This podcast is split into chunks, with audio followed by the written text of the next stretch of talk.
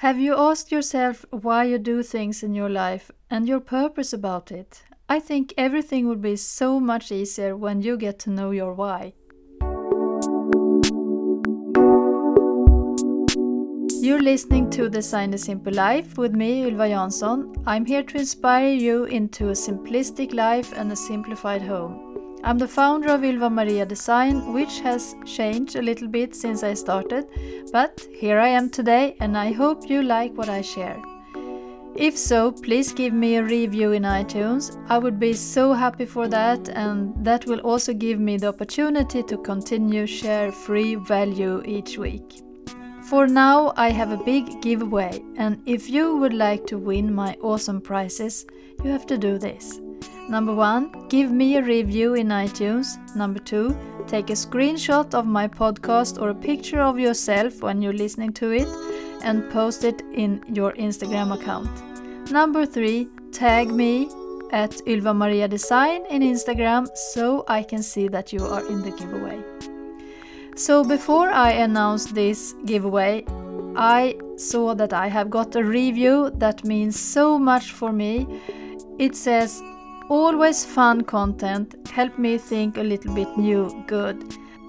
That was posted of Greve Garderob. Thank you so much for your support. Now to the episode about your why. Have you ever thought about why you do things in your life? Sometimes we just do things without thinking, but when we are more aware of the why, everything will change and it's easier to stay focused and continue what we're doing.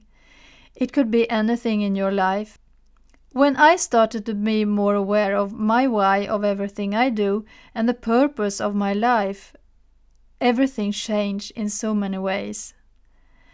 As you know, I have been decluttered my home and life so much during a decade, and now I'm almost a minimalist. It's not that I don't have any things in my home because I love interior design. It's just that I'm conscious about what I own and also what I want to own. As I said in the last episode, we have so much fear about letting things go, and it was the same thing for me. I'm not a superwoman, I'm just an ordinary woman like you, and I have also fear about different kind of things.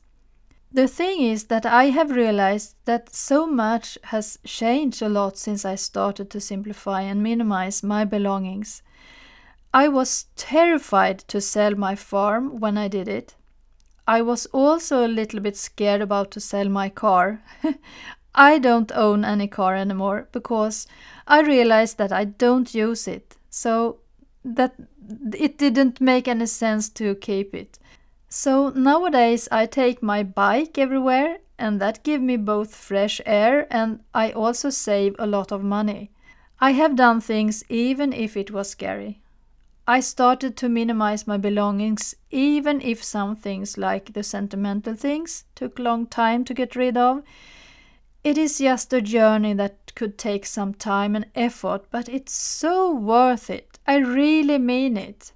So, as I said, my life has changed a lot, and also my mind and my subconscious mind. I remember the time when I could be angry very fast over small things that happens, and that doesn't exist anymore. It's very, very seldom I'm angry. So, this is what could happen when you minimize your belongings. And I think that's wonderful. I can tell you something quite funny that happened for me last week it was something that normally don't happen or at least I didn't thought it could happen to me. I was in a furniture store. I often go there to get inspiration about interior design because that's my one of my biggest interests. I was walking around in my own thoughts and suddenly I realized that it was very quiet in there. I didn't saw anyone and I didn't hear anything.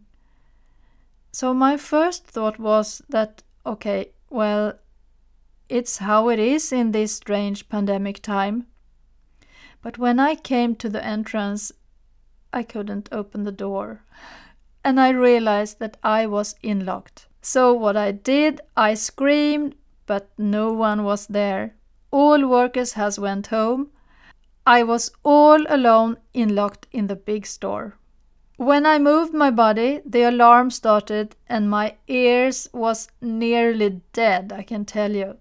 As usual, my phone saved me. Very quickly, I called another of their stores and told them about my issue.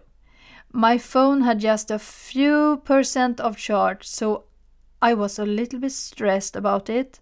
After a long time, she found the shop owner where I was and he took his car and drove very fast to get me out. I was in locked around an hour or so, and when he came, he was very embarrassed that they didn't saw me before they closed the doors. and he said he was very lucky that I was so calm and hadn't got any panic. Well, yes, I said, there's no idea to get panic, and he gave me a gift card of 100 euro and I took the bike and went back home.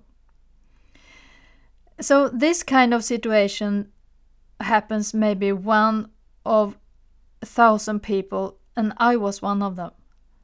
I can tell you something. My life has changed a lot after I have minimized my things in my life and this situation I proved to myself that I took it so calm and I think it was because I have changed so much. So many things can happen when you start to simplify your life. Back to your why again. If you ask yourself what you would like to accomplish in your life, you probably immediately get the answer. But when you then ask yourself why you want to achieve that, it could take a while before you get the answer. A very good thing is to put your goals and your why on a paper. Then it will be more real. If you don't know why you want to simplify your life, for example, it will be very hard to get started and then also to get your simplified life. So, why do you want to simplify or minimize your things? Is it to get more space, get more energy, find yourself, have more time for your family, or is it so simple that you would like your weekly cleaning to be much easier? Your why is just you who know and no one else, and when you have found it, you became to feel more harmony and joy because you know you're gonna make it. You know your goal so well and you're gonna make it because you want it so deeply. Try to find your why and your journey can begin. This is a quite short episode, and that's because I would like my podcast to be as simple as possible so that you feel that you have time to listen to it. I know you have full schedule and I want to make it simple for you. So if you have any questions for me, send me a message over Instagram at Ylva Maria Design or go to my website www.ylvamariadesign.se and send me an email there.